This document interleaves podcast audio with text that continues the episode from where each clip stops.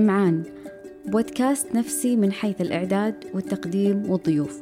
الهدف من هذه المدونة الصوتية هو طرح ومناقشة العديد من الجوانب النفسية وأكيد يسعدني تلقي اقتراحاتكم حول الموضوعات اللي حابين إننا نتكلم عنها.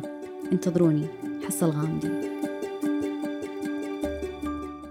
ضيف حلقتنا اليوم؟ الأستاذة هالة بنت عبد العزيز أصيل حاصلة على ماجستير في علم النفس الإرشادي من جامعة جورج واشنطن بأمريكا وبكالوريوس في علم النفس من الجامعة الأمريكية بأمريكا. تعمل كأخصائية نفسية في مجمع العناية النفسية للمراهقين والبالغين وهي عضو مؤسس في جمعية زهرة لسرطان الثدي وعضو مجلس إدارة سابق مؤسس برنامج بلوسم لدعم المتعافيات من سرطان الثدي. متطوعة في مبادرة الدعم النفسي للمبتعثين في جمعية وعي لصحة المجتمع. بنحكي اليوم عن المرونة النفسية إيش هي المرونة النفسية؟ كيف ممكن الشخص يحصل عليها؟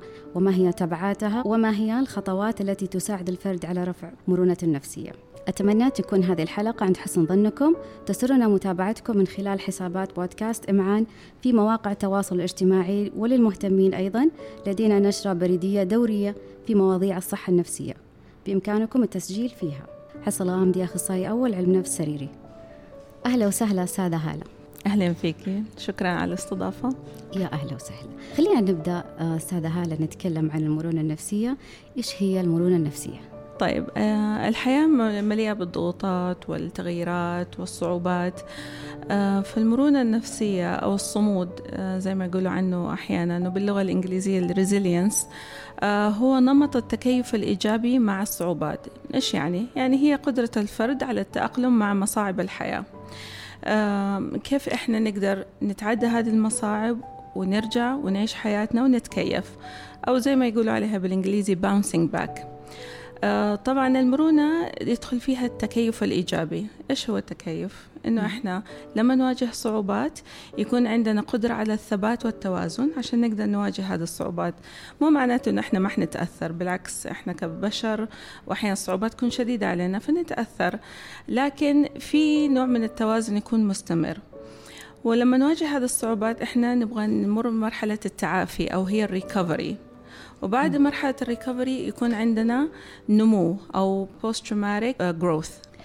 طب العوامل اللي هي تساهم في المرونة أو إيش هي المرونة عشان نفهم آه بالتفصيل. نعم. آه هي تدخل فيها عوامل كثير. أول شيء يكون للشخص عنده نظرة إيجابية عن الذات. آه ملم بنقاط قوته نقاط ضعفه عنده ثقة في النفس. آه، عنده علاقات جيدة بالناس اللي حوله سواء من أصدقاء أو أهل لأنه هذول يكونوا قوة داعمة ومشجعة له. آه، عنده القدرة أنه هو لما يواجه صعوبات يشوف المعنى الكبير أو الصورة الكبيرة. بدل ما نعمل تركيزنا على المشكلة يكون عنده القدرة أنه هو يشوف الصورة الكبيرة والمعنى الكبير عشان يقدر يلاقي الحلول من حوله. عنده تواصل جدا فعال. آه، دائما عنده دور المحارب وليس الضحية بمعنى أنه هو يواجه الصعوبات ويلاقي لها حلول وطرق للتكيف معها. وبعدين عنده طرق آه، فعالة للتعامل مع مشاعره. ملم بمشاعره فاهمها عارف بوجودها وعارف يتعامل معها ويوازنها. نعم. طيب آه في عمر معين آه يعني آه، يمكن للشخص الوصول للمرونة النفسية ولا ممكن يبدأ في أي عمر أو المرونة ممكن تكون في أي عمر. آه وهذه من من الأشياء الحلوة. فهي أنت ممكن تطوري مرونتك في أي عمر. وطبعا كل ما كبرنا وكل ما واجهنا صعوبات آه كل ما زادت مرونتنا مع الخبرات اللي نكتسبها. وهنا أحب أقول نقطة إنه إحنا نقدر نعلم الأطفال كيف يكونوا مرنين آه بالعكس هي البحوث اللي في الأول بدأت عن المرونة كانت عن الأطفال أصلا. آه فمثلا في إحنا في ممكن أشياء ممكن نعملها عشان نبني مرونة أطفالنا. منها إنه إحنا نعلمهم كيف يبنوا علاقة جيدة معنا إحنا والديهم أخوانهم أصدقائهم في المدرسة معلمينهم الجيران. آه، نعلمهم مهارات الاعتماد على الذات. يعني يمكن إحنا شوي مجتمعنا لما أولادنا يمروا في تجربة أو يخطئوا خطأ على طول ليش سويت كذا؟ فإحنا نبغى نبدل كلمة ليش بكيف تبغانا نحل المشكلة هذه. مم.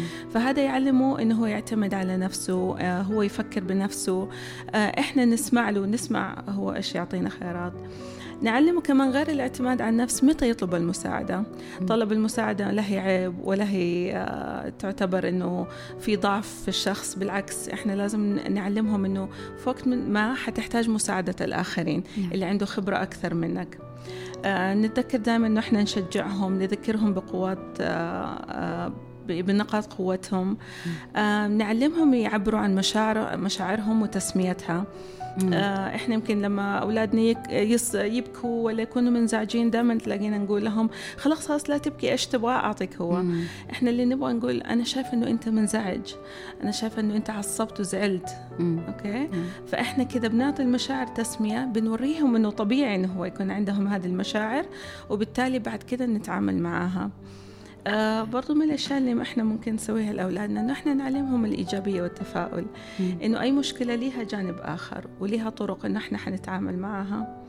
والتأقلم مع الحياة نعلمهم الحياة متغيرة باستمرار. فإحنا نعلمهم وأظن إن إحنا تجربتنا الآن مع الكوفيد 19 أولادنا مروا في أكبر تغيير فجأة لا مدرسة جلسة بالبيت عدم اختلاط. صحيح. آه فنعلمهم التأقلم ومواجهة هذه الصعوبات. آخر نقطة إنه إحنا كمان نعلمهم مواجهة المخاوف. آه كلنا عندنا مخاوف لكن كل ما تجنبناها كل ما حسيناها أكبر ومخيفة أكثر. صحيح. فإحنا مع المساعدة ومع التوجيه نعلمهم يواجهوا مخاوفهم اللي ممكن هي واقفة في طريقهم. نعم.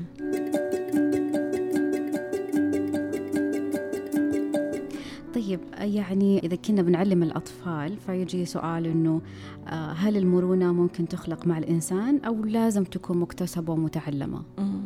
سو so هي أول ما بدأت الأبحاث عن المرونة آه، كانت في السبعينات آه، من أشهر الناس كان نورمان جارمزي وكان أخصائي نفسي وكان يلاحظ إنه في أطفال رغم إنه مثلا هم يعيشوا في فقر أو مع أهالي عندهم اضطرابات نفسية أو في تحرش أو أو هذول الأطفال بعضهم قادرين يكملوا حياتهم.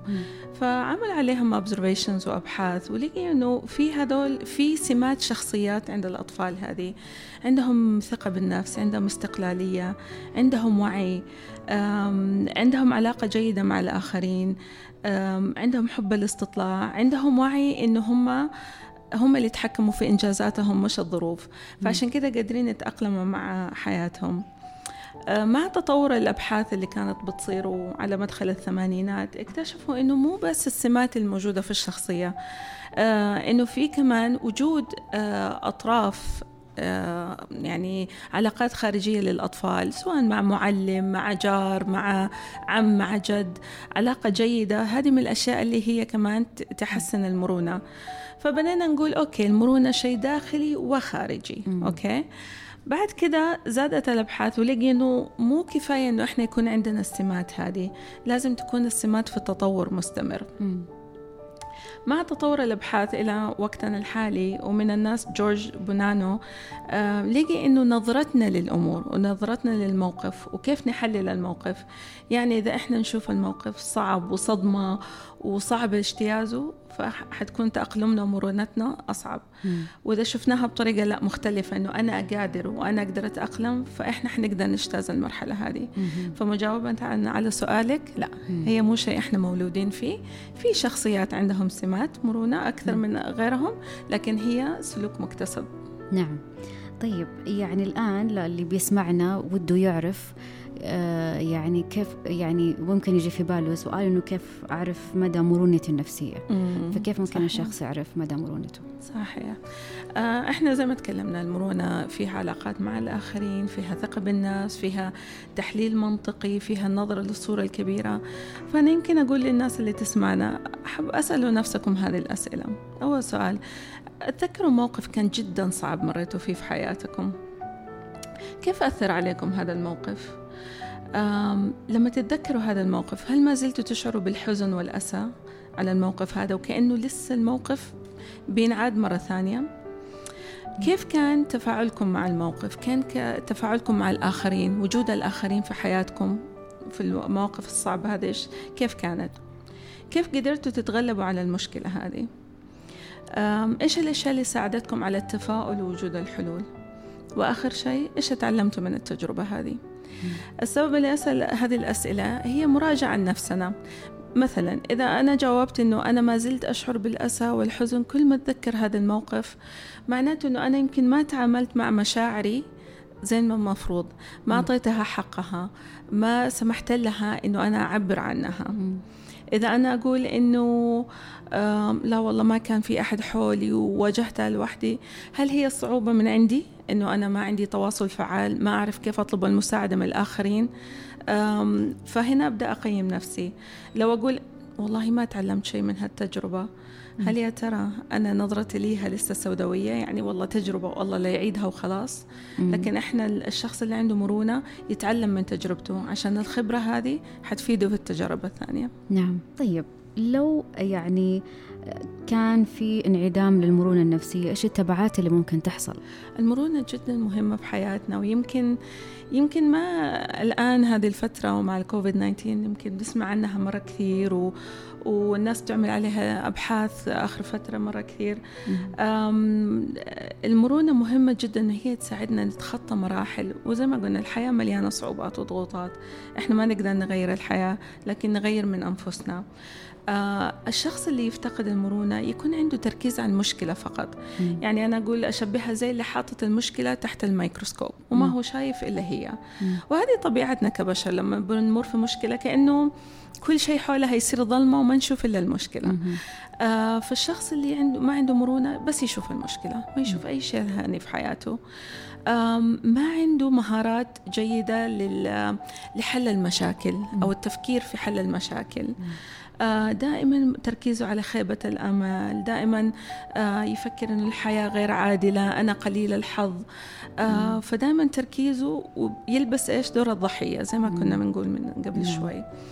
آه، عنده انتكاسات مرة كثير وما يقدر يتعدى المرحلة. يعني المشكلة اللي تاخذ من الشخص العادي فترة شهر مثلا يمكن هو تاخذ منه فترة أطول إنه يتعداها. وهذول الناس أكثر عرضة للاضطرابات النفسية وحتى بعض الاضطرابات العضوية زي أمراض القلب آه، الضغط ومنها.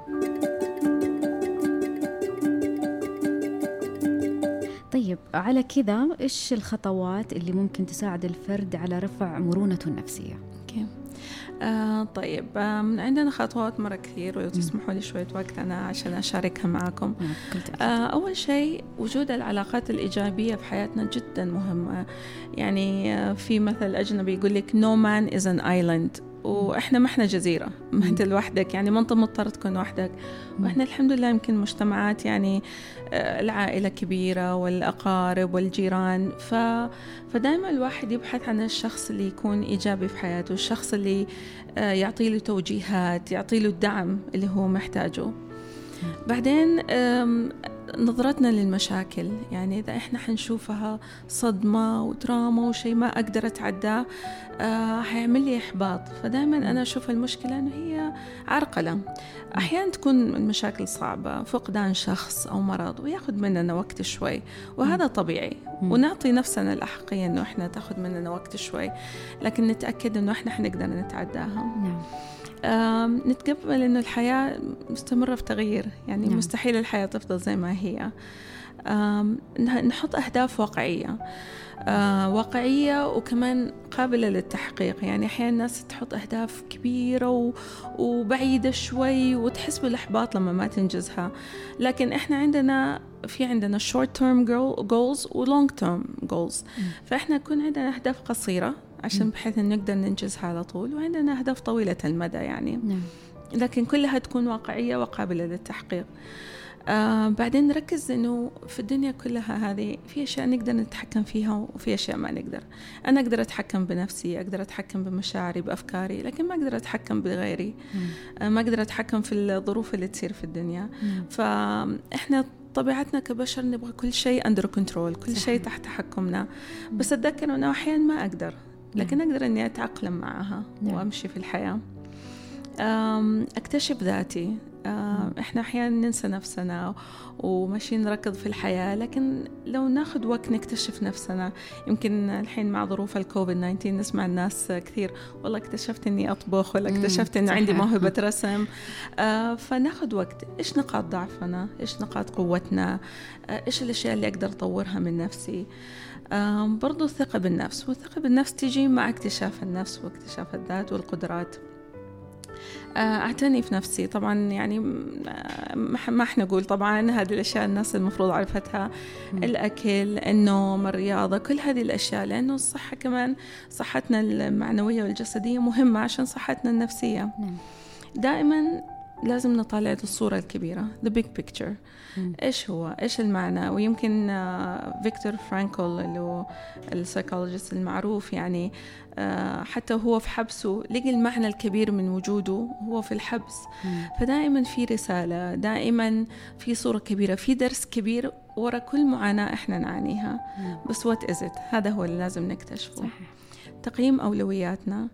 يمكن آه، معلش أنا أرجع داني وأعطي مثل على الكوفيد. يمكن إحنا هذه الفترة كنا ماشيين في الحياة ونحس الطلعة هذه مهمة والروحة هذه مهمة.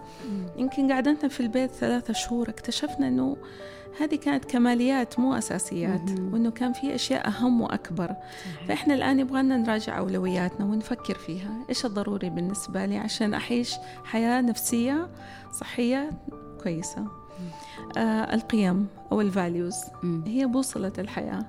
إذا أنا ماني واضحة إيش القيم المهمة بالنسبة لي أنا حمشي أتخبط ما حكون واضحة. لكن لما أنا أعرف أنه عائلتي شيء مهم بالنسبة لي العمل شيء مهم آه الصداقات فأنا عندي توجه. أنا عارفة وين ماشية. وحارف أحط خطط على هذا الأساس. التعاطف مع الذات وهذا شيء إحنا كلنا ننساه. إحنا نتعاطف مع أصدقائنا وأهلنا وأحبابنا لكن ننسى نفسنا. آه وأنا دائما أقول لمراجعيني أقول لهم دائما تكلمي مع نفسك زي ما تتكلمي مع أعز صديقة ليكي. كيف تكوني داعمة ليها ومستمعة جيدة؟ نفس الشيء لنفسنا. إحنا نحتاج هذا التعاطف. الامتنان الامتنان شيء رائع. الامتنان يغير خارطة مخنا. إحنا دائما يمكن مخنا متعود يدور وين الغلط وين النواقص إيش لازم أكمل إيش لازم أعمل. الامتنان يذكرنا بالأشياء الجميلة بحياتنا اللي يمكن ننساها. إحنا مع مشاغل الحياة وهذا طبيعي يعني. فلو أتذكر لو كل يوم أذكر نفسي بالأشياء اللي في حياتي وأنا ممتنة ليها فهذا حيأثر على نفسيتي حتكون المرونة عندي جدا عالية وححس بسعادة يعني و psychological well being اللي إحنا دائما ننصح فيه. آخر شيء أحب أقول إنه إحنا نتذكر ما في شيء يدوم للأبد okay؟ وإحنا باستمرار في تغير والدنيا باستمرار في تغير حتى الصعوبات حتمر. نعم. وحنكون بأمان إن شاء الله. إن شاء الله. الله يعطيك العافية. شكرا جزيلا أستاذة هالة. آه يعني حلقة ملهمة صراحة ومفعمة بالطاقة الإيجابية. في شيء تحبي تقوليه في الأخير؟ شكرا يعطيكم ألف عافية وشكرا على الاستضافة و... وبس حابة أضيف أنه المرونة مو شيء بين يوم وليلة حنكتسبه آه هي مع الخبرة مع التجارب مع الصعوبات اللي نواجهها. لكن إحنا نتذكر دائما المنظور الإيجابي آه تقييم الأمور آه دائما نكون واقعيين نعم. عشان نقدر نوصل لمرونة. يعطيك العافية. شكرا لكم.